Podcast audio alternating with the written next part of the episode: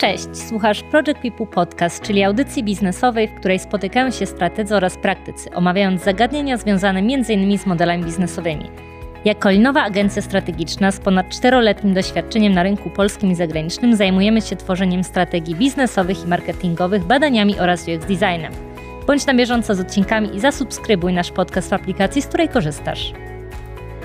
Cześć, z tej strony Joanna Ostafin i jest ze mną dzisiaj nasz gość. Piotrek Nabielec. Tematem dzisiejszej rozmowy będzie monetyzacja wiedzy, tworzenie kursów online i będziemy się skupiali na tematach wokół edukacji, wokół tego, jak możemy się dzielić naszą wiedzą. E, dzisiejszym naszym gościem jest Piotrek Nabielec. Ja Piotrka poznałam kilka lat temu właśnie przy okazji projektu e, skupiającego się na tworzeniu platformy do kursów online.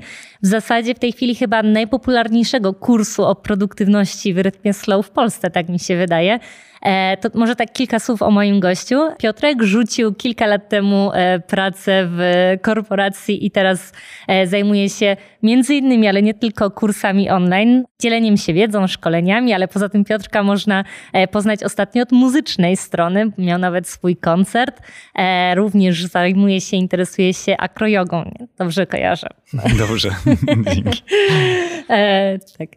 Ja bardzo lubię rozmawiać z Piotrkiem, bo dla mnie Piotrek wiele lat temu, gdy tworzyliśmy razem projekt Produktywność krok po kroku, był taką osobą, która zmieniła zupełnie myślenie o produktywności, e, bo ja należałam do tych osób, które o produktywności myślały jak właśnie e, takim zagadnieniu, jak robić więcej w tym samym czasie. I trochę podczas pracy z Piotrkiem zaczęliśmy patrzeć na ten, mm, na ten problem, na tą tematykę zupełnie inaczej i ja teraz jestem bardzo mocno zwolenniczką właśnie myślenia o tym, że tak naprawdę produktywność to jest robienie tych właściwych rzeczy, więc jest mi niesamowicie miło gościć e, Piotrka dzisiaj e, tutaj. No nie wiem, Piotrek, może chciałbyś coś dodać o sobie? E, chyba powiedziałaś wszystko. Tak, prowadzę produktywni.pl od pięciu lat już w tej chwili. Właśnie stuknie chyba jutro, jak to nagrywamy. Stuka pięć lat i szkole, najpierw szkoliłem głównie stacjonarnie, teraz szkole online od trzech lat. I właściwie w tym roku się przesiadam całkowicie na online. Także przeszło przez te różne moje kursy jakieś 3000 osób. No i mam też taki jeden kurs na Udemy. Tam jest ponad 5000 studentów, ale tam nie mam z nimi takiego kontaktu jak, jak w tych innych kursach, w których jestem jakby cały czas gdzieś blisko tych ludzi. Więc pewnie o tym będziesz chciała e, porozmawiać. o tych wszystkich e, kursach, produktach, które powstały, które się udały, czy które się nie udały.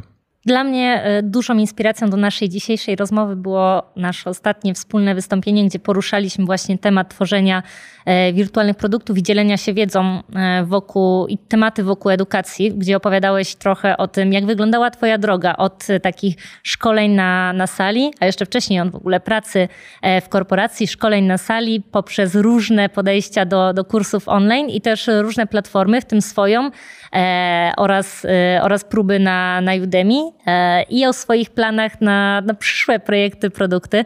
E, stąd dla mnie to była duża inspiracja, zwłaszcza patrząc na to, e, jak teraz, jakie są teraz trendy i jak edukacja online zyskuje na znaczeniu. Jesteśmy trochę zmuszeni do tego, żeby przerzucić się na tą pracę, na tą edukację online'ową, więc tym bardziej jakość tej edukacji jest niesamowicie, niesamowicie ważna. Ale ty już miałeś te doświadczenia dużo, dużo wcześniej. Nie? Teraz pewnie no, masz, możesz się nimi podzielić z, z, naszymi słuchaczami, bo tworzenie kursów i dzielenie się wiedzą, a monetyzacja tej wiedzy również, e, no to są tematy, które interesują e, wiele osób. Nie?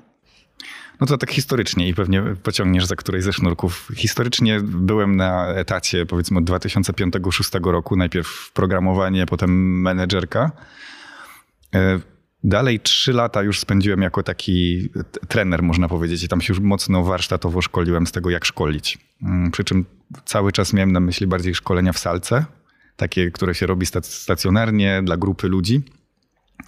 I jak zakładałem produktywnych i odszedłem całkiem z etatu i już zacząłem pracować w pełni na swój rachunek, no to przez takie półtora roku całe to były tylko szkolenia stacjonarne Myślę, że się tam bardzo rozwinąłem warsztatowo, bo też dużo inspiracji zbierałem, jak, jak uczyć, jak uczyć efektywnie, jak przekazywać wiedzę. No i wcześniej troszkę powstał taki pierwszy mój kurs online, który był trochę z inspiracji Michała Szafrańskiego kurs Budżet domowy w tydzień chyba, czy coś takiego. I zobaczyłem, jak Michał te rzeczy nagrywa, że robi kurs i pomyślałem, wow, to może też zrobię coś takiego. No i to był pierwszy taki wpół niewypał, o, może, o którym możemy porozmawiać, bo, bo jednak robienie y, produktu dla zupełnie innej grupy klientów, no to było coś, od czego mocno się odbiłem, bo jeszcze wtedy nie wiedziałem, co się tak naprawdę liczy, kiedy próbujesz coś sprzedać. No a potem z kolejnymi eksperymentami było coraz lepiej i właściwie każdy kolejny kurs gdzieś tam wykręcał coraz lepsze wyniki. No i teraz możemy porozmawiać oczywiście o liczbach, o tym, jak to się sprzedaje, e, ale mm, to będzie interesujące, jak wrzucę kwoty od razu? Ja myślę, że zdecydowanie dla naszych słuchaczy, bo e, jest dużo mitów wokół tego rynku edukacji, tych kursów online, zwłaszcza ostatnio się spotykam z, e, z racji na popularność tematu. Możemy zobaczyć tak naprawdę masę artykułów o tym, jak powinniśmy robić te kursy jeszcze więcej artykułów e, z różnymi liczbami, które mocno od siebie odbiegają, więc ja myślę, że fajnie byłoby porozmawiać, bo ty masz naprawdę świetne, e, świetnie opracowane te przypadki i dużo rzeczy pomierzone, więc faktycznie wyciągasz mhm. wnioski na podstawie już konkretnych liczb. Myślę, że to może być interesujące. No tak, no jeszcze jest taka grupa ludzi, która chce zarobić na tym, że jest taki, że tak powiem, hype na te szkolenia online, więc oczywiście musimy pokazać miliony i wszystko i i ja potem widzę y, i spotykam się z ludźmi czy z głosami bardzo rozczarowanych ludzi, którzy po prostu zainwestowali mnóstwo czasu i pieniędzy. Kupili coś, miało być super wspaniale, po czym robią swoje i się okazuje, że te wyniki bardzo odbiegają od tego, czego się spodziewali.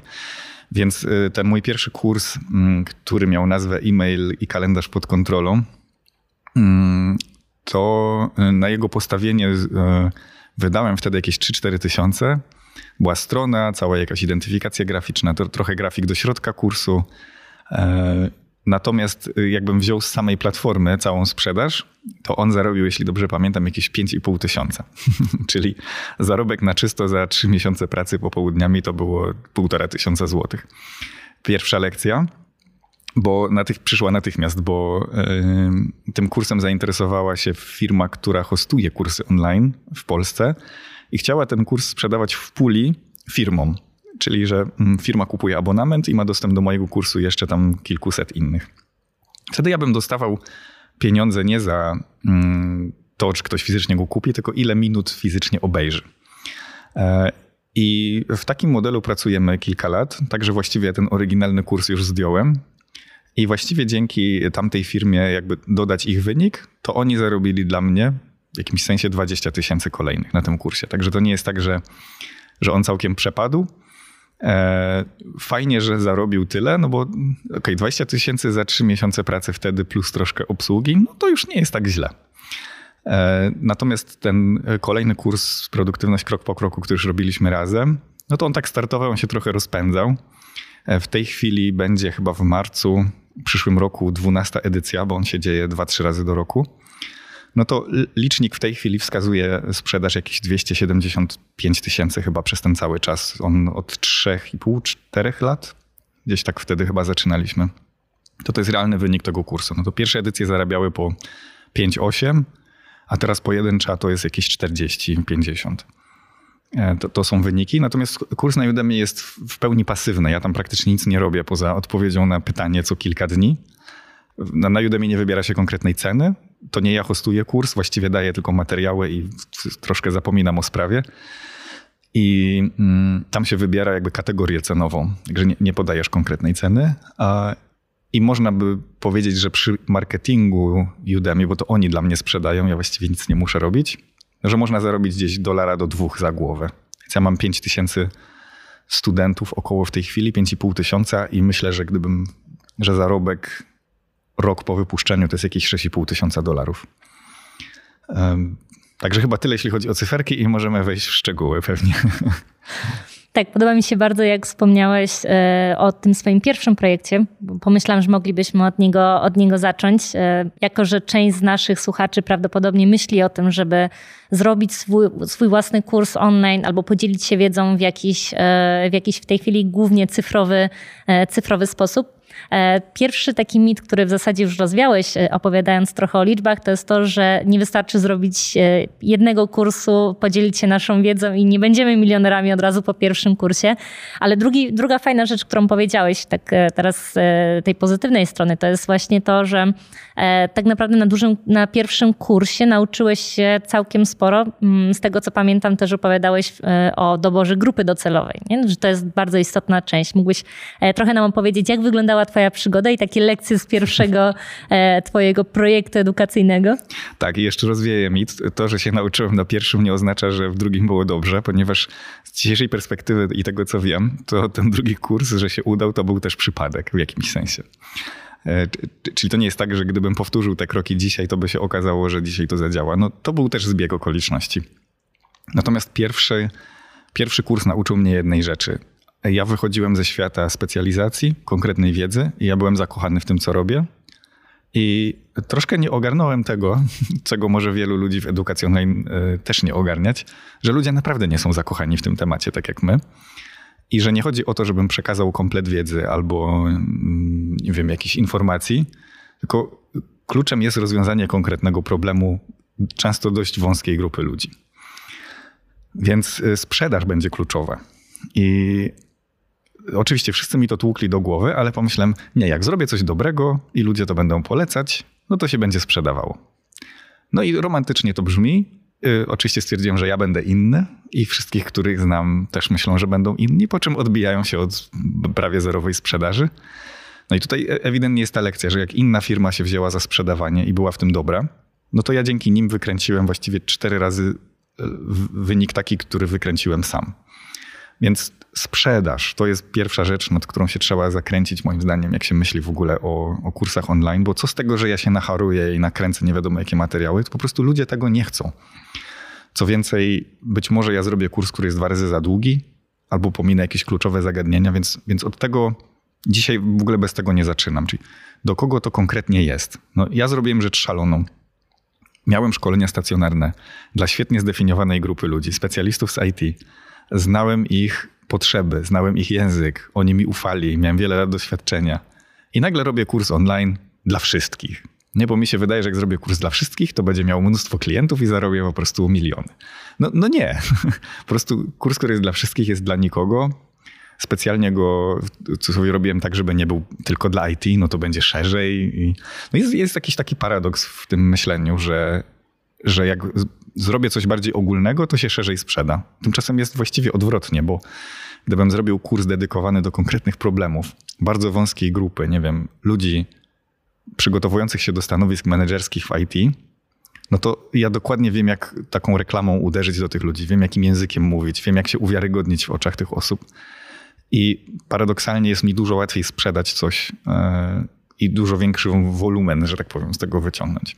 Więc pierwsza rzecz to, było, to było ta szalona sprawa, którą zrobiłem, czyli miałem świetnie zdefiniowaną grupę docelową, którą znam, rozumiem, znam jej język i nagle robię kurs dla zupełnie kogoś innego. Strzelam na oślep, nie trafiam. Bez sensu, moim zdaniem, z tej perspektywy. I, i dzisiaj każdy, nawet webinar, jak zaczynam, nie? To, to, to jest pierwsze pytanie, które sobie zadaję, dla kogo konkretnie to jest i jak najwęższą grupę mogę zdefiniować i jaki konkretnie problem ja tej grupy rozwiązuję. Bo ona nie jest zainteresowana słuchaniem czy przerabianiem godzin długich, tylko jakichś materiałów, tylko po prostu chcą rozwiązać jakiś jeden palący problem. Więc to była na pewno pierwsza lekcja. Bardzo dobre zastanowienie się, kto, do kogo chce trafić jakie ludzie mają konkretny problem, posłuchać ich i potem jaki konkretnie problem obiecuję im rozwiązać. To było na pewno z pierwszego kursu i, no i sprzedaż. Sprzedaż, sprzedaż, sprzedaż, sprzedaż. I jeśli ja nie jestem dobry w sprzedaży i nie chcę tego robić, to muszę z, z jakieś partnerstwo nawiązać z kimś, kto będzie w tej sprzedaży dobry, a ja się zajmę technicznymi aspektami. Nie, bo to też jest taki całkiem fajny model współpracy, że przez to, że nie ogarniam sprzedaży, paruję się z kimś, kto jest świetny w tym, a ja dodaję techniczną rzecz. No i jako techniczna osoba bym sobie pomyślał, no ale jak to? Ona mi zabierze część, część zysków i to dużą, No ale ktoś, kto próbował sam sprzedawać rzeczy, to wie, jak jest. Że to jest trudne po prostu. Dla mnie to, co powiedziałeś, jest niesamowicie ważne. E, zresztą to nie dotyczy tylko edukacji, tylko w ogóle tworzenia produktów, czyli potrzebujemy grupy docelowej, dobrze zdefiniowanej, najlepiej jak najwęższej wbrew pozorom. O tym kiedyś opowiadaliśmy w naszym podcaście. E, a oprócz tego potrzebujemy dobrze zdefiniować problem, który chcemy rozwiązać. I dla mnie, z mojej perspektywy, to jest niesamowicie ważne. Spotykam się z wieloma materiałami edukacyjnymi, gdzie e, mamy właśnie taką perspektywę E, osoby prowadzącej, która po prostu chce się podzielić wiedzą. A dla mnie to jest niesamowita różnica między ja chcę się podzielić wiedzą, a ja chcę pomóc tobie rozwiązać twój problem. Nie? To, jest, to jest przepaść wydaje mi się, że to faktycznie jest taka rzecz, na którą warto zwrócić uwagę, czyli żeby zastanowić się, jaki problem my jesteśmy w stanie komuś rozwiązać. A powiedz jeszcze Piotrek, w jaki sposób możemy w takim razie dotrzeć do tych e, problemów? Bo ty miałeś kilka fajnych pomysłów, w jaki sposób możemy podejść do tego, żeby dociec, jakie problemy mają nasi odbiorcy. No ja ich oczywiście podchodzę z różnych stron, jak tylko mogę, żeby mi jak najszczerzej napisali albo opowiedzieli. E, po kursie, jeśli ktoś ma ochotę takim, który wymagał dużo zaangażowania, czyli na przykład ten produktywność krok po kroku, proszę kilka osób o nagranie wywiadu ze mną. Takiego po prostu zwykłej rozmowy o tym, co im dał ten kurs, e, co, jakie realne zmiany widzą. I zazwyczaj po każdej edycji mam z pięć takich wywiadów e, i tam jest bardzo dużo tego słownika. To jest jedno miejsce. E, drugie to są zwykłe ankiety. W ankiecie często zadaję pytanie, z jakim największym problemem związanym z tematem X teraz walczysz? Na przykład, nie wiem, właśnie związanym z zarządzaniem sobą.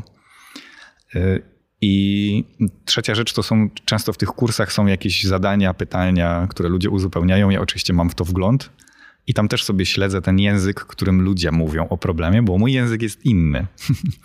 I to, to jest też to rozróżnienie, że, że mój język jest o rozwiązaniach, a język tamtych ludzi jest o ich problemach. I teraz ja, żeby sprzedać albo dobrze trafić do tych ludzi, muszę się nauczyć ich języka, bo ja już jestem tak zamknięty na niego, bo ja już znam rozwiązania. Ja już chcę, chcę iść do rozwiązań. I no, moją ulubioną techniką teraz jest jobs to be done, gdzie sobie po prostu analizuję język pod dwoma kątami.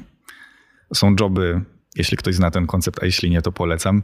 No, mamy joby funkcjonalne i joby emocjonalne. Teraz czyli co fizycznie ludzie robią w moim temacie i w jakich czynnościach ja im mogę pomóc, które wykonują codziennie. I właściwie, które były też z nami 50 lat temu. E, więc w moim, mojej dziedzinie produktywności e, no jest pewien paradoks. E, czyli ludzie od zawsze planują na przykład, od zawsze ustalają jakieś priorytety, zarządzają swoimi zadaniami, to są joby funkcjonalne, które robią. Ch chcą kończyć projekty, które zaczęli. To, to, powiedzą mi ludzie wprost, jeśli chodzi o, o takie funkcjonalne rzeczy. Czyli chciałbym zaplanować dzień i skończyć go czując, że zrobiłem czy zrobiłam to, co sobie zaplanowałem czy zaplanowałem. E, chcę dowozić projekty, które mm, zaczynam i je kończyć.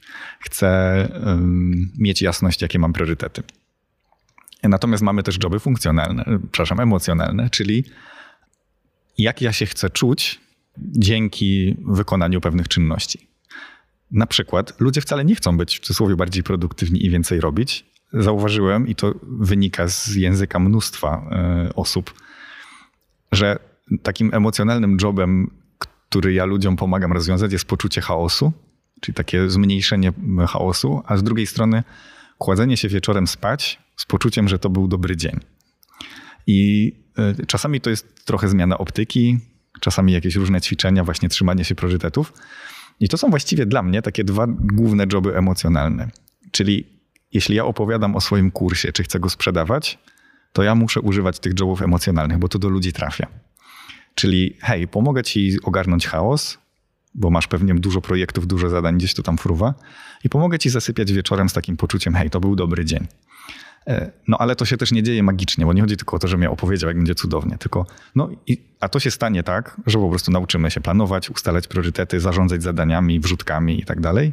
I dzięki temu połączeniu ludzie wiedzą, że okay, nauczę się konkretnych umiejętności, a dzięki temu dostanę ten emocjonalny cel. I jak się przyglądam dzisiaj różnym materiałom, no to to na mnie działa też, nie? że nie wiem, jeśli chcę uprawiać sport, no to może chcę być, e, niektórzy chcą być zdrowsi, a niektórzy chcą po prostu, nie wiem, zaimponować innym osobom, jeśli chodzi o wyniki. Że to będą zupełnie dwie różne emocjonalne, takie jakby joby do wykonania, e, mimo że funkcjonalny pod spodem będzie ten sam. I to było chyba dla mnie duże odkrycie, że, że sprzedają i że trafiam do serc ludzi dzięki tym emocjonalnym jobom, mimo że pod spodem te funkcjonalne właściwie mogą być identyczne. I mam taką anegdotę właśnie, którą opowiadam często, jak, jak myślę o tym temacie. Taki przykład, który mi dużo dał. Że przyjeżdża sobie pani, która się w ogóle na tym nie zna, do warsztatu samochodowego i mówi: Hej, ostatnio mam strasznie głośno w aucie. Zrobiło się jakoś nie do zniesienia. Czy możecie mi się tym zająć?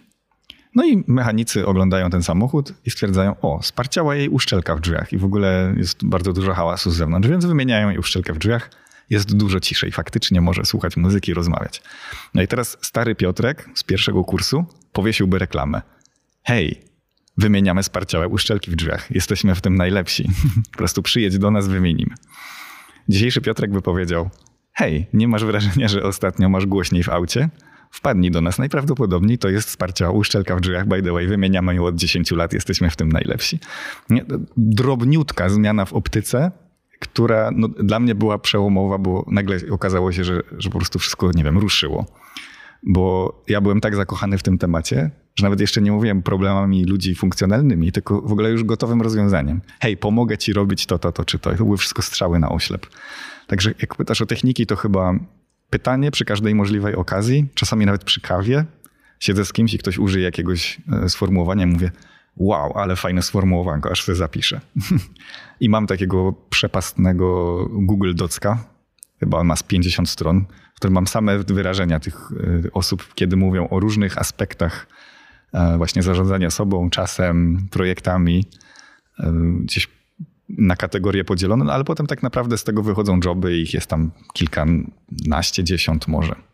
Super, dla mnie ten e, dokument, o którym wspomniałeś, jest właśnie takim konkretnym narzędziem, z którym można zacząć działać już teraz, e, jak o tym myślimy, że chcielibyśmy zrobić e, jakiś kurs, e, jakiś warsztat, podzielić się naszą wiedzą, e, bo to jest coś, co przydaje się zawsze. Nawet jak myślimy o nowym produkcie, usłudze, serwisie, to to jest coś, co ja też lubię bardzo robić, czyli lubię sobie notować, jak ludzie opowiadają o swoich pomysłach, o swoich problemach, o tych, o potrzebach. No i to jest ta ważna rzecz, o której wspomniałeś, nie? czyli że to też wpływa na komunikację tego, czyli na sprzedaż, więc znowu powinniśmy zdecydowanie słuchać, wydaje mi się, przede wszystkim naszych, naszych odbiorców. No dobra, czyli mamy ten pierwszy e, projekt. Mhm. O, chciałeś coś dodać, tak? Znaczy, bo tak myśląc graficznie w głowie, to, to ten problem się dla mnie dzieli jakby na pół. Czyli jeśli naprawdę już posłucham ludzi i przeanalizuję i podzielę sobie na dwie kategorie, na joby emocjonalne i funkcjonalne, to joby funkcjonalne pozwolą mi zrobić dobry content kursu. Czyli ja wiem, że ja muszę tych ludzi nauczyć tych konkretnych rzeczy, bo to rozwiąże ich konkretne problemy i dzięki temu oni poczują, wow, ten kurs był świetny, bo ja naprawdę dzięki niemu potrafię zrobić to, to, to i to, co wcześniej nie potrafiłem. Ale ludzie nie kupią kursu ze względu tylko na te joby funkcjonalne, tylko ten, ten cały emocjonalny bagaż jest mi niezbędny, żeby właściwie poruszyć jakąś nutkę w człowieku, który powie: Nie, mam dość tego chaosu, mam dość po prostu. Kładę się spać wieczorem i znowu, nie wiem, czuję, że było beznadziejnie, że nie dowożę. Nie, nie, po prostu mam dość. I to są te momenty, w których ludzie podejmują decyzję, że coś kupują. Także potrzebujemy obu tych przestrzeni. One w ogóle służą do innych rzeczy, mimo że są bardzo blisko splecione. I, i no, spędziłem dużo czasu nad myśleniem nad tym. I, yy, I dzisiaj wydaje mi się to dość proste i oczywiste, ale myślę, że dla wielu osób, które tak jak ja są bardzo zanurzone w problemie, no są zakochane w tych funkcjonalnych rzeczach, a te emocjonalne są tak trochę z boku. I dlatego potem te wyniki sprzedażowe są niskie, bo też my nie umiemy w ogóle zempatyzować z grupą docelową, tak, tak jak ona się czuje, co my realnie rozwiązujemy. E, dobra, a jej pytałaś o drugi kurs, tak? Tak, ale jeszcze zanim przejdziemy do drugiego kursu, to e, tak się zastanawiam, czy masz jakieś miejsce, mm, jakieś źródło, które poleciłbyś e, naszym słuchaczom, żeby zgłębili wiedzę o właśnie jobach funkcjonalnych, emocjonalnych, e, bo to jest coś, co, co jest bardzo ważne.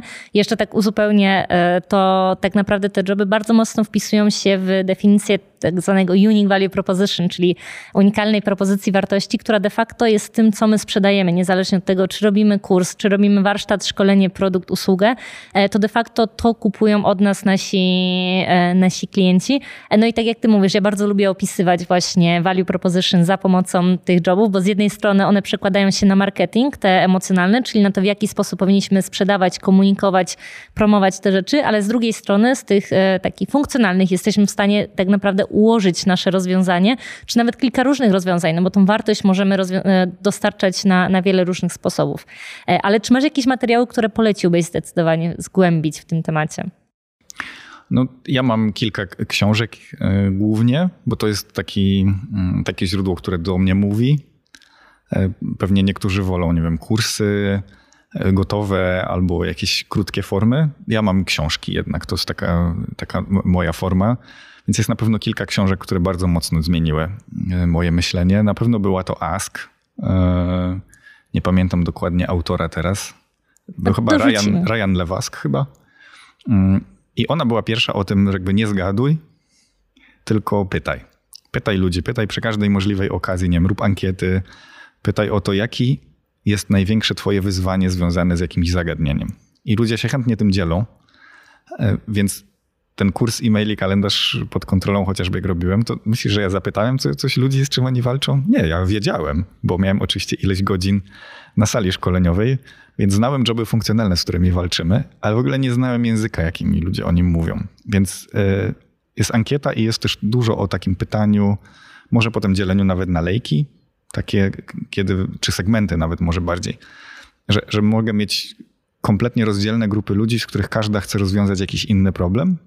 I wtedy być może ja stworzę cztery podkursy, które atakują jeden konkretny problem tej wąskiej grupy ludzi. I może zrobić wtedy cztery małe kursy, a nie jeden duży, a może jakoś potem połączyć. Także to jest ask na pewno. Mm, no i Jobs to be done chyba ja czytałem Antonego Ulwika po prostu e, książkę o tym. On też tam sprzedaje troszkę swoich, swoich technik i swojego konsultingu przy okazji, ale mm, tak, ta książka mi dużo bardzo dała. Mm, myślę, że też Russell Branson i on pisze też o właśnie o budowaniu lejków sprzedażowych i też dla mnie świeżaka, który po prostu myślał, że hej, podzielę się wiedzą i po prostu wszystko będzie dobrze no to te trzy koncepty to były chyba takie dość przełomowe. No nie mówiąc o tych wszystkich jakichś bardziej językowych, typu, nie wiem, Paweł Tkaczyk, można przecież go wspomnieć, o tym, o tym jak w ogóle pisać. E, także dużo było takiego też wsparcia chyba, jak pisać, jak, jak robić copywriting. Chyba tyle z grubsza. Dzięki. E, dobra, to teraz możemy przejść, myślę, do Twojego drugiego projektu, czyli udało się nauczyć całkiem sporo na pierwszym, zwłaszcza pod kątem grupy docelowej, e, sprzedaży i problemów, słuchania tych e, problemów. A Twój drugi kurs, największe lekcje? No nie było tak pięknie, jak powiedziałaś. Po, po failu, można powiedzieć, pierwszego kursu, bo jeszcze wtedy nie wiedziałem, że tam ta firma się zgłosi i że dorobię na nich 20 tysięcy, czy dzięki naszej współpracy. E, postanowiłem poprosić o pomoc i tak trafiłem na was. Stwierdziłem, że jak mam się nacharować kolejne kilka miesięcy i żeby wynik był taki, to nie, jakby przyjdę. No i wtedy my weszliśmy we współpracę, także to, to, to, to ty między innymi na różnych warsztatach zadałaś to mnóstwo niewygodnych pytań typu do kogo chcesz trafić? Do wszystkich. Okej. Okay. Czy do 80-letnich staruszek też? Czy do dzieci? No nie. No to tak Także tam, tam padło dużo takich pytań, że musieliśmy sobie na nie poodpowiadać, jaki będzie ten customer journey, jak my w ogóle chcemy tych ludzi przeprowadzać. Także to jeszcze nie były lekcje, bo ja po kilku edycjach, doczytywaniu i do, doszkalaniu się na bieżąco, zacząłem rozumieć w ogóle, co myśmy zrobili. to jest tak straszne. Czy jakbym budował trochę samolot w locie. E, ale dzięki, i dopiero wtedy zrozumiałem tak naprawdę, co ja zrobiłem z tym pierwszym kursem i z drugim. Y, natomiast no, po drodze się stały po prostu rzeczy, które też mi bardzo otworzyły głowę, mm, czy oczy na to, y, co się tak naprawdę liczy. Wymieniłem troszkę język, którym mówię, pozmieniałem kilka tekstów na stronie. Ona była tak zbudowana, że można to było bez problemu zrobić. Mm, troszkę bardziej przycisnąłem te emocjonalne joby. Nakręciłem fajniejszy filmik wstępny, który się skupia na tym, co trzeba. Dzisiaj wiem też, że na przykład kluczowe jest zaadresowanie obiekcji, które są bardzo naturalne i normalne. Na przykład, nie wiem, jak nakłaniam ludzi na 30-dniowy kurs, to myślą, Boże, to jest bardzo dużo czasu. Na pewno, czy, czy ja nie będę musiał poświęcić jakiejś nienormalnej ilości czasu? To jest normalna obiekcja. Albo, hej, a może też będę musiał siedzieć w trakcie weekendów E, a może ten kurs będzie obciążający, obciążający czasowo. I tak, jest mnóstwo takich naturalnych obiekcji, które są, jeśli ja o nich powiem, to, e, to też ludzie dużo bardziej jakby mi wierzą, że, to jest, że nie są nienormalni, że mają takie obiekcje, a ja, że ja je rozumiem i mogę je rozwiać i też nie wciskam im nic na siłę, tylko jeśli masz takie obiekcje i nie rozwiązuje twojego problemu, no to nie kupuj tego kursu, on nie jest dla ciebie. Mm, ale to, czego się chyba nauczyłem, e, myślę jeszcze z takich grubszych lekcji, na pewno grupa docelowa i jej rozumienie. Y, musiałem pozmieniać też, na przykład dużo kobiet do mnie trafia. I z analityki wychodzi, wychodzi mi, że tak naprawdę to kobiet jest większość. Znaczy nie jest ich tak, żeby było tam dwie trzecie, ale jest ponad 50% to są kobiety i jako uczestniczki, i nawet na blogu, czy w różnych moich materiałach. No i porozmawiałem sobie z kilkoma z nich, no i na przykład one mi zwróciły uwagę, że mógłbym troszkę częściej e, poruszać takie tematy związane nie wiem, z macierzyństwem, z taką w ogóle rolą kobiety, w, które w naszym patriarchalnym środowisku jest trochę przerąbane jednak. Coraz częściej odsyłam moich klientów i, i, ludzi, którzy na mnie trafiają do mojej konkurencji w jakimś sensie, do Oli Budzyńskiej, pani swojego czasu i mówię, Ola świetnie mówi o tym, o tej uciemiężonej polskiej kobiecie, która chce być idealną matką, żoną, kochanką, uprać, ugotować i jeszcze sportowo się rozwijać, zawodowo i tak dalej. Także w jakimś sensie też mi to uwolniło głowę do tego, żeby odsyłać ludzi do, do mojego ekosystemu, nie wiem, praca z talentami, Dominik Juszczyk. To właściwie wszyscy ci ludzie mogliby w jakimś sensie być moją konkurencją, tak mógłbym ich postrzegać. I dzięki temu, że wiem, jakie problemy rozwiązuję i wiem, które problemy ja rozwiązuję, nie mam żadnego problemu, żeby odsyłać wszystkich moich klientów do nich. E, I to jest też taka duża lekcja była w tym kursie. Myślę, że też ten kurs mnie nauczył tego, że y, część osób chce tak jakby core, taki rdzeń problemu rozwiązać szybko, a część będzie chciała iść głębiej. I dzisiaj mam taki koncept takich trzech poziomów e, głębokości, na które można zejść. Czyli ten basic jest dla wszystkich, to jest twój podstawowy poziom. Potem sobie myślę, gdybym chciał wejść taki level 2 w grze, co mogę doczytać do każdej lekcji, jakieś materiały, jakieś książki. No i potem dla takich ultrasów już, którzy myślą, że naprawdę kręci ich ten temat i coś by chcieli więcej, no nie wiem, może ich zebrać w jakąś malutką grupę, może zaproponować jakiś nowy produkt, ale też dopakować te osoby, które, no będzie pewnie ich kilka na sto, które naprawdę zakręcił ten temat i chcą czegoś więcej. I, I, myślę, co jeszcze. Myślę, że jeszcze ten kurs mnie nauczył kampanii, że jest coś takiego i że kampanię dobrze sobie zaplanować, dobrze ją pomierzyć, dobrze mieć jakiś jeden eksperyment. I y, jeśli powtarzam sprzedaż, a ja ją powtarzam dwa, trzy razy do roku, to mogę się z każdej sprzedaży uczyć i sprzedawać kolejne coraz lepiej. E, I dzisiaj już mam jakiś konkretny plan kampanii. Mm, jak będę startował edycję w marcu, to mniej więcej wiem, co się kiedy powinno wydarzyć. Że nie wiem, reklama na Facebooku, y, ja jej prawie w ogóle nie robię, mm, ale gdybym chciał dotrzeć do jakiegoś nowego grona ludzi, no to wiem, że wcześniej muszę zainstalować Pixela na stronkach, popatrzeć, kto mi tam trafia, może by zapłacić za reklamę, żeby dotrzeć do, do takiego lookalike audience, jakieś 10% może nowych osób to gdybym szukał nowych klientów. E, I, e, ale kampania to też może być odpytka kilku firm, czy są zainteresowane przesłaniem osób, bo w mojej sytuacji współpracy z firmami jest tak, że jeden mail to może być a super, czekaliśmy na info, tak mamy 20 osób. I to jest mój kanał sprzedaży czasami, że ludzie się dwoją i troją tutaj gdzieś w social mediach, o ktoś kupił, a tu firma przysyła mi 20 osób. Mm. Duża dojrzałość biznesowa, jak teraz opowiadasz e, o tym projekcie i o tym, że polecasz osoby, które teoretycznie mogłyby być twoją konkurencją, że tak bardzo mocno zawęziłeś sobie też, zawęziłeś specjalizację, nie? Jakby wiesz o tym, łatwo e, zdefiniowałeś sobie, już wiesz o tym, w czym jesteś dobry e, i czym warto, żebyś ty się zajął. To znowu to jest dla mnie jest to niesamowicie spójne z twoim kursem, gdzie właśnie mówisz o tym, że e, no, są te rzeczy, te priorytety, nie? I te rzeczy, którymi warto, żebyśmy się zajmowali, a są te rzeczy, na które być może nie warto poświęcać czasu. W przypadku biznesu być może to są jakieś rzeczy, które warto zlecić na zewnątrz, albo klienci, których warto oddać, bo, bo w tym samym czasie możesz mieć jakiś projekt, który będzie bliższy temu, co ty robisz. Zgadza się? No tak, no tutaj e, raz, że terapia, może to tak prywatnie, e, natomiast też joby i ich dobre zdefiniowanie, to tych dokumentów, o których mówiliśmy, to ja mam cztery tak naprawdę. I, I, też lubię ten podział, że jest coś o mnie. Ja mam pytałem kiedyś ludzi, swoich czytelników, jaka jest moja supermoc? Czy gdyby mieli powiedzieć, że Piotrek ma jakąś supermoc, to jaka jest? No i też podzieliłem sobie te moje supermoce na kilka kategorii i mam ich, i jakby wiem, co, co ja w sobie lubię i co mam do zaoferowania. Wiem też, co ludzie we mnie widzą jako, jako taką właśnie supermoc, że nie wiem, lubią mój spokój na przykład. Więc jeśli ja spróbowałbym być takim, hej, super sprzedażowy guru, teraz wam coś powiem, to jakby tracę swój główny atut, czyli to, że ludzie mówią, ty nie gadasz jak nakręcony po prostu jakiś świr e, od rozwoju osobistego, tylko po prostu gada normalny gość o rozwiązaniu konkretnych problemów.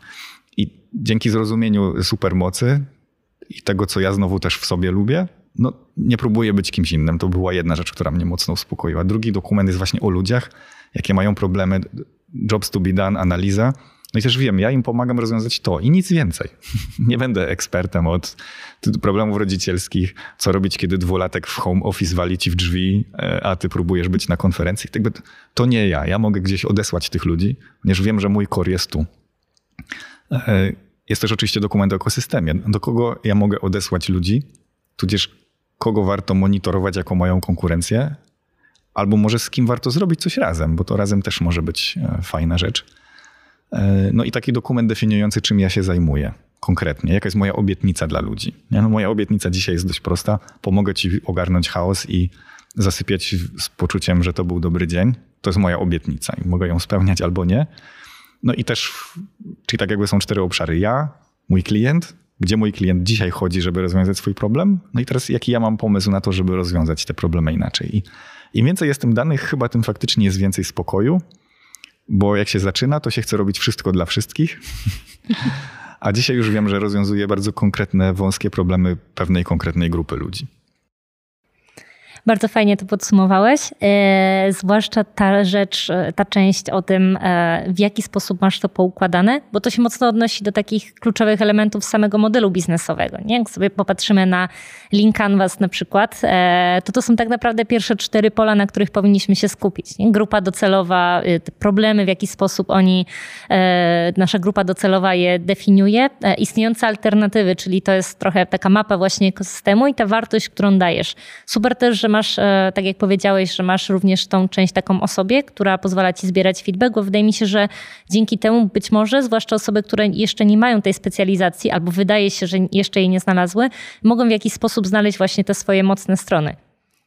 To jest takie coś, co wydaje mi się, że jest całkiem potrzebne e, dla wielu osób, bo ja też często dostaję pytanie, w jaki sposób znaleźć właśnie tą, e, tą specjalną specjalizację, bo przecież jest już dużo kursów na jakiś temat. Nie? Mhm. No tak, no pierwsze to te dokumenty to właściwie u mnie to są cztery Google Docki. Ten dokument o mnie to tam w środku jest e, wyniki różnych kwestionariuszy osobowościowych, Gallup czy tam Clifton Strengths obecnie, jakiś Freeze, wszystkie wyniki testów, analiza moich wszystkich poprzednich prac czy zajęć, e, czy nawet współpracy z fundacjami. Trzy rzeczy, które najbardziej tam kochałem, jedna, dwie rzeczy, których nie znosiłem, czy trzy czasami. E, I już z analizy kilku lat pracy wynika, co się powtarza w rzeczach, które ja kocham i też których będę unikał za wszelką cenę. E, zapytałem ludzi bliskich, znajomych, czy moich jakichś tam wiernych fanów od pierwszych dni właśnie o jakąś supermoc, która sprawiała, że, że są ze mną. To też jest w tym dokumencie. Myślę, że to może być fajny punkt startu, ale też no, mnie dotyka, y, dotknęło mnie to chyba szczególnie jak czytałem mit przedsiębiorczości, czytam i, i myth, bo tak naprawdę czytałem w angielsku y, właściwie pierwszy rozdział o tworzeniu firmy jest o tym, kim jesteś, jakie chcesz mieć życie. Ja sobie zdałem sprawę, że, że to też tak mnie uderza w tą produktywność w rytmie slow, że jeśli ja będę miał firmę, która się świetnie rozwija i będę zarabiał nie wiadomo ile kasy, ale to nie będzie zgod... nie, spra... nie będzie sprawiało, że ja będę żył takim życiem jak chcę, to w ogóle po co mi to? E, więc to też jest taki punkt wyjścia, e, no bo część osób chce zrobić kursy, żeby żyć i mieć przychód pasywny. No i nie wiem, ja bym naprawdę się zatrzymał na tym punkcie. Naprawdę to jest to, czego chcesz? E, y, bo to znaczy, że nie, nie, nie kochasz rozwiązywać konkretnych problemów ludzi. To nie jest to. E, I oczywiście jest tak, że ja kocham wolne, lubię spać, e, gram muzykę, szwendam się po górach, lubię przyrodę i tak dalej. No ale jak, jak siadam do różnych problemów moich ludzi, to ja jestem tym nagrzany. Po prostu nikt mnie nie musi tam zaganiać, że o Jezu, kolejna praca. I, Myślę, że to też zabezpiecza przed wypaleniem i przed takim rozczarowaniem, bo to paliwo nie pochodzi z wyników sprzedażowych, tylko z tego, że ja naprawdę kocham rozwiązywać te problemy. I nikt mnie tam, mimo że nie mam szefa, nie musi mnie zaganiać.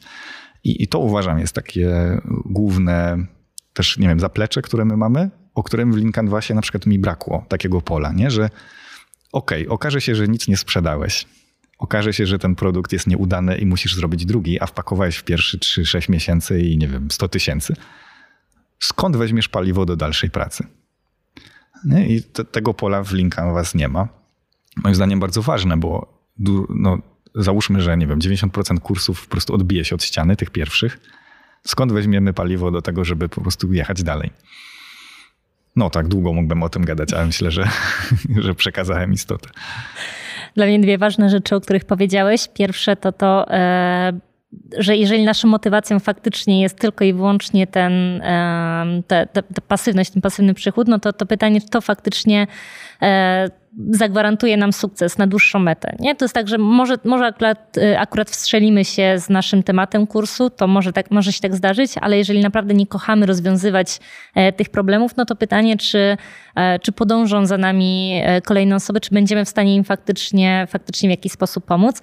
A to się dla mnie też wiąże z, z trochę z takim naszym dlaczego. Nie? Pewnie, pewnie znasz, tak, Simona. tak, tak myślałam, Simona i, i jakby definicję swojego dlaczego. Dla mnie to na przykład było coś takiego, co pozwoliło mi mocno pokazać, które, za którymi projektami warto pójść i dlaczego robię e, tak naprawdę niektóre projekty i czy dany projekt, dana inicjatywa, w którą mam się zaangażować, e, czy faktycznie to jest to, w co chcę na co chcę poświęcić swój czas. Nie? Więc jakby to też może być taka wskazówka dla, dla tych osób, które gdzieś tam szukają tego swojego dlaczego i myślą o tym, że kursy to jest właśnie ten taki szybki, e, szybki zarobek. A dołączając do tego mitu przedsiębiorczości, bo ja jestem wielką fanką tej książki, e, z racji tego, że mi też otworzyła oczy i tak naprawdę kilka przemyśleń ciekawych pojawiło mi się w trakcie czytania. A przede wszystkim też jeden z początkowych rozdziałów, gdzie autor zastanawia się, czy my naprawdę, żebyśmy się zastanowili, czy my nie jesteśmy pracownikami w swojej własnej firmie, kiedy ją, e, kiedy ją otwieramy i kiedy warto jest i które tematy warto jest zlecać, e, zlecać dalej, co też wiąże się z moim pytaniem do ciebie, bo ty właśnie miałeś e, trochę różnych kursów za sobą, trochę różnych inicjatyw tak jak o których teraz opowiadasz. I część rzeczy sam powiedziałeś, że zdałeś sobie sprawę, tak jak na przykład ta sprzedaż, że nie warto jest robić, być może, jeżeli ktoś tego nie lubi, nie warto jest zajmować się tym samodzielnie.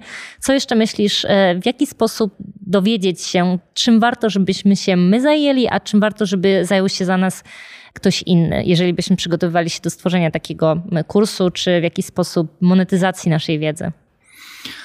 Hmm, dobre pytanie. Przede wszystkim zadałbym sobie pytanie, jaką wartość mogę dać tylko ja.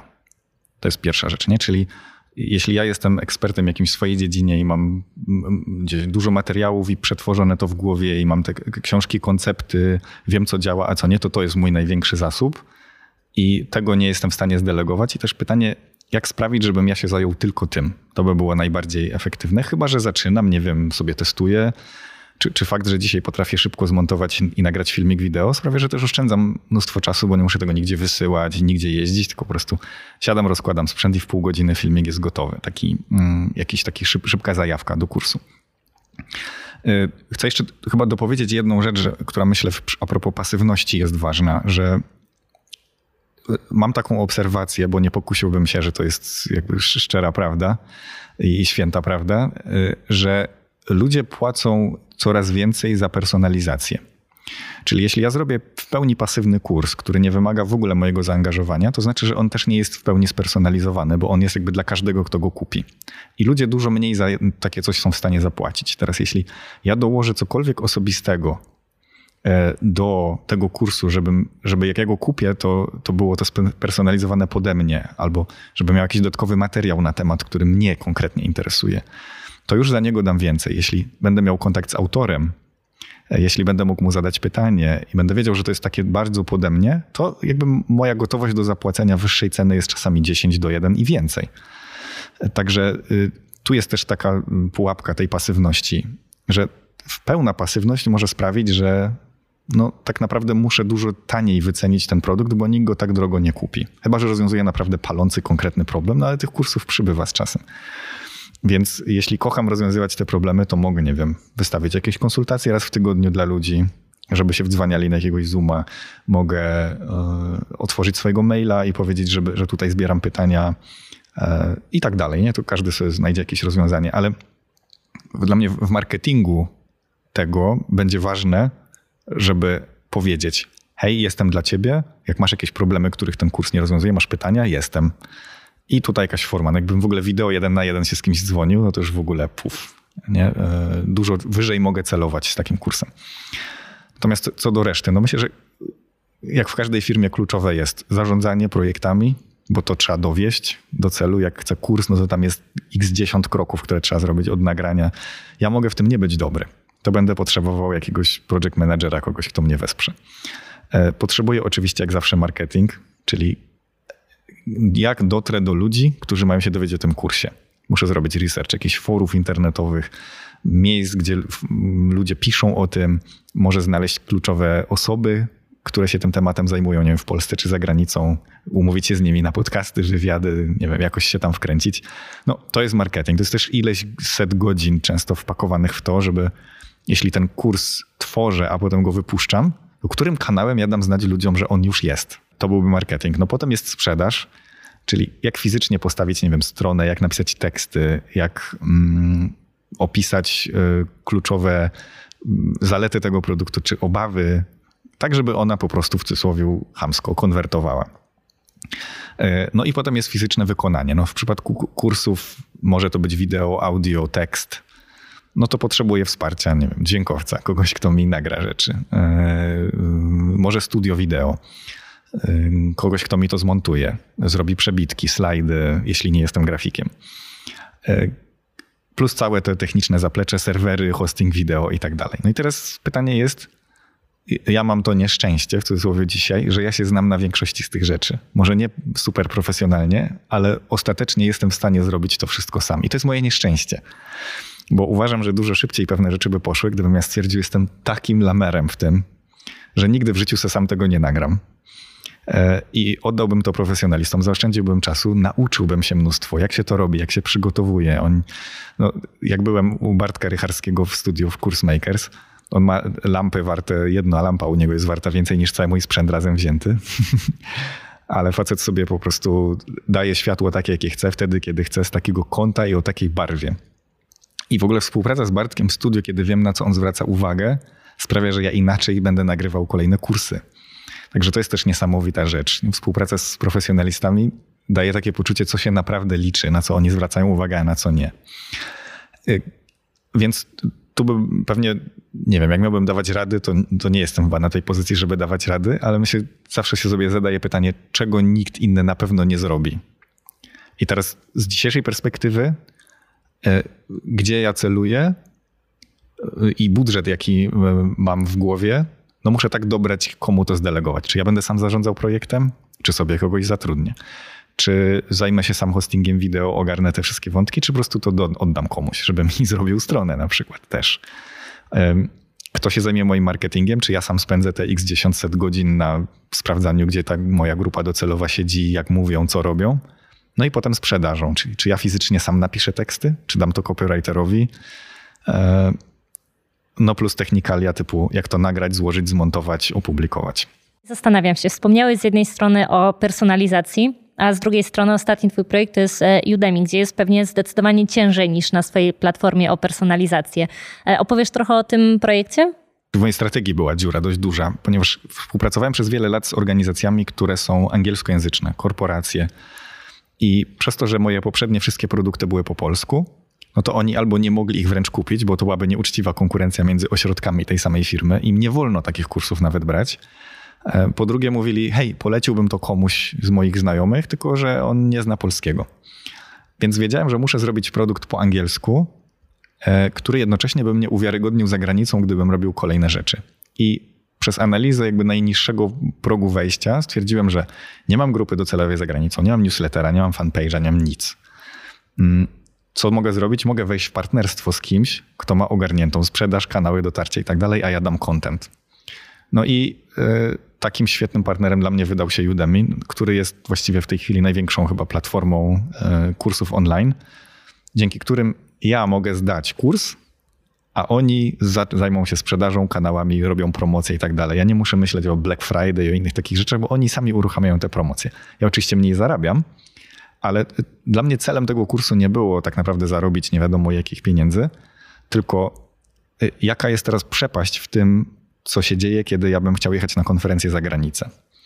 Nie? Jedzie sobie jakiś Piotrek, który zrobił kursy po polsku w Polsce, albo mówię, hej, jestem autorem kursu w top 3 na Udemy w swoim temacie, który ma 2400 pozytywnych recenzji i jest w top rated. Nie, to zupełnie z innego pułapu startuję. Jestem też jakimś ekspertem. I gdybym teraz robił już taki w cudzysłowie poważny kurs, to ja mam bazę 5000 osób, do której jakoś mogę dotrzeć. Oni już wiedzą, czego się po mnie spodziewać. I jakbym robił teraz poważny w cudzysłowie kurs po angielsku na swojej platformie, to ja już mam jakiś kanał dotarcia. Także to było trochę takie w cudzysłowie grzanie nowego terenu, a dzięki temu, że ja właściwie nic teraz nie muszę robić, tylko z, Bartkiem, bo to z Bartkiem we współpracy rycharskim robiliśmy z, właśnie z kursmakersów, no to on mi pomógł przejść te judemowe rzeczy, typu jakie słowa kluczowe ludzie szukają, jak trafią na ten kurs, co w nim warto, żeby było, a co nie. Zapięliśmy strukturę razem, no i to jest właściwie tam raptem godzina 45 materiału, wideo, trochę quizów, trochę dodatkowych materiałów. Także mm, logika za tym była taka: y, zaistnieć w tym świecie, y, ustawić się jako jakiś ekspert, który nie jest y, teoretyczny, tylko ma za sobą konkretne oceny innych ludzi i może coś przy okazji zarobić, a też fajne case study przy okazji. Także to była taka nóżka wyciągnięta na teren zagranicy, żeby zobaczyć w ogóle, czy to ma sens. Dla mnie bardzo fajny test i taka dźwignia tak naprawdę do tego, żeby wyjść na, na rynek zagraniczny.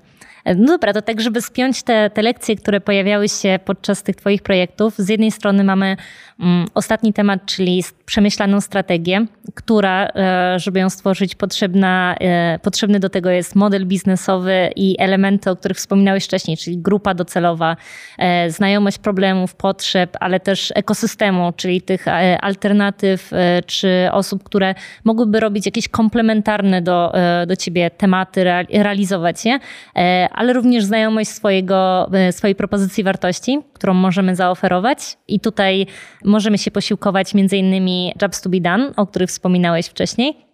No i przełożenie tego na rozwiązania, a tutaj opowiedzieliśmy o kilku różnych e, rozwiązaniach, bo zarówno e, pierwszym podejściu do kursów w kilku lekcjach, o partnerach, o swojej platformie, o Udemy, czyli tak naprawdę cały przekrój różnych możliwości, o których e, wiele osób pewnie myśli.